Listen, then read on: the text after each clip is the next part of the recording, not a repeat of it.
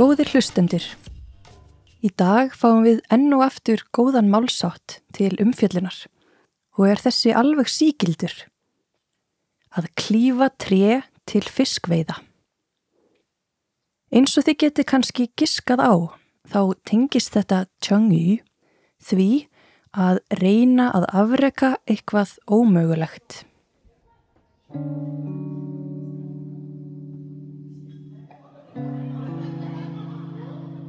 Ég heiti Þorgerður Anna Björnsdóttir og þú ert að hlusta á hlaðvarpið í Östurvegi.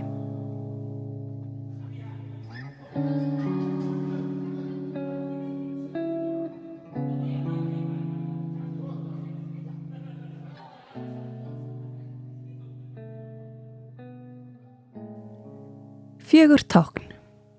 Jön Mú Tjói Skoðum táknin eitt í einu.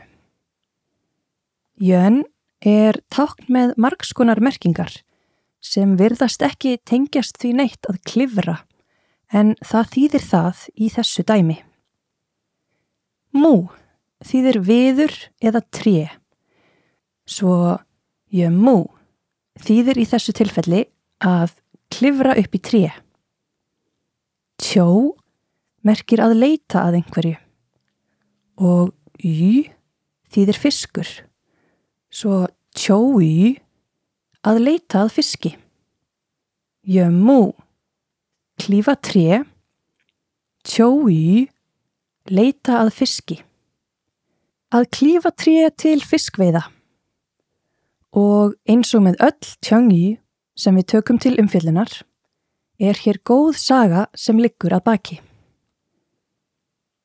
Sagan á upptök sín allaleið aftur á tímabili hinn að stríðandi ríkja í hennu langlífa Jóveldi. Jóveldi tegði sig um stort svæði meðfram gulafljóti og skiptist í nokkur söguleg tímabil. Fyrst Vestur Jó sem svo færiðist austar og kallast þá Östur Jó. Saga Östur Jó veldis skiptist svo ennfrekar niður í vor og haust tímabilið og svo hérna miklu óöld þegar veldið að lokum liðaðist í sundur á tímabili hérna stríðandi ríkja á fymtuöld fyrir Krist. Tjóveldi var ættarveldið sem varð vittni að upphafi kjarna kínveskrar menningar. Ættarveldið þar sem sjálf undirstaðan varð til. Meginströymar kínveskrar heimsbyggi komi fram og rítmáli þróaðist úr táknum á spátómsbeinum yfir í eiginlegt innsikla letur. Mjög heillandi tími í fornsögu Kína. Þetta tímabil í sögu Kína samsvarar miðaldar tímabili Evrópu með kastulum, lénsóðulum, aðalsfólki og ritturum. Langfrægastur allra frá þessu tímabili var Konfúsius og þekktasti fylgismadur Konfúsiusar var Mencius sem kýmverjar kalla Mangzi. Mangzi var uppi um einni öld eftir andlát Konfúsiusar. Árin 372 til 289 fyrir okkar tímantal, fyrir um 2300 árum síðan. Málsháttur dagsins er beint úr samnemndri bók hans sem kallast Mangzi. Þetta var á tímabili hinn að stríðandi ríkja í Kína sem seint á fjörðu snemma á þriðju öld fyrir Krist var enn allt skipt upp í mismunandi ríki. Þau voru fjölmörg en þegar hér kemur við sögu voru færri en tíu ríki eftir. Eitt þessara ríkja var Tíveldi, þar sem í dag er Shandong hérað. Leðtögi ríkisins þegar Mangzi var uppi var sjön konungur af Tí. Konungur þessi hafði stór áform um öll landsvæði Kína og virtist staðræðin í að leggja þau öll undir sig með valdi. Mangzi var líka frá Tíveldi og var hann oft bóðaður á fund konungsins í höllinni til ráðlegginga.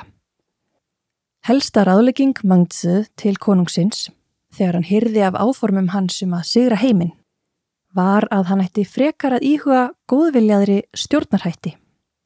Ef hann styrði út frá góðvilja og visku, myndi fólk frá öðrum löndum flikkjast til hans og viðurkenna völd hans vegna góðmennskunar sem hann síndi.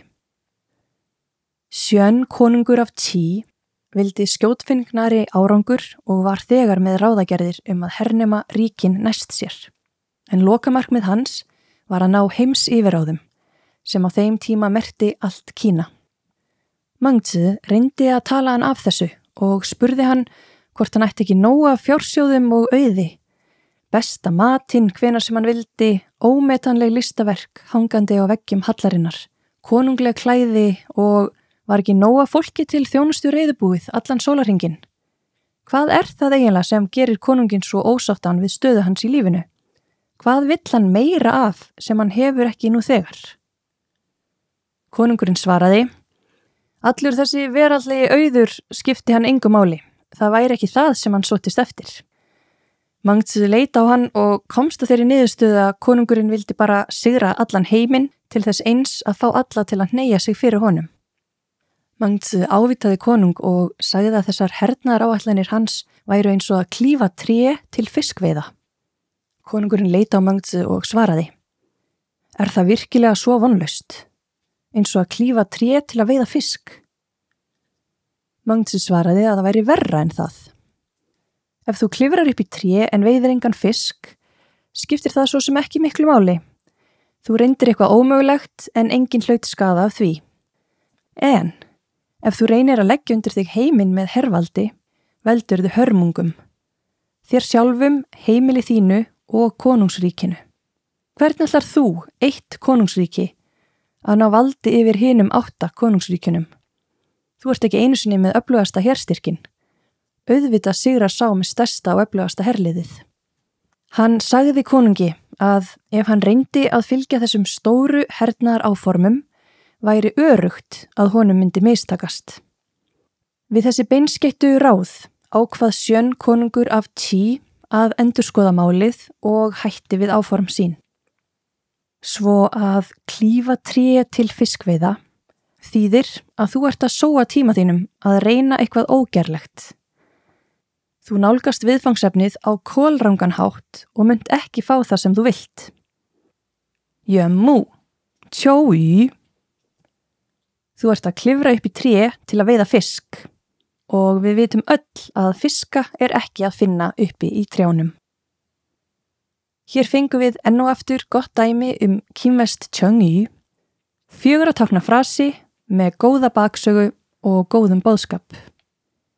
Jön Mú, Tjói. Takk, Mangzi, fyrir þessa djúpigli.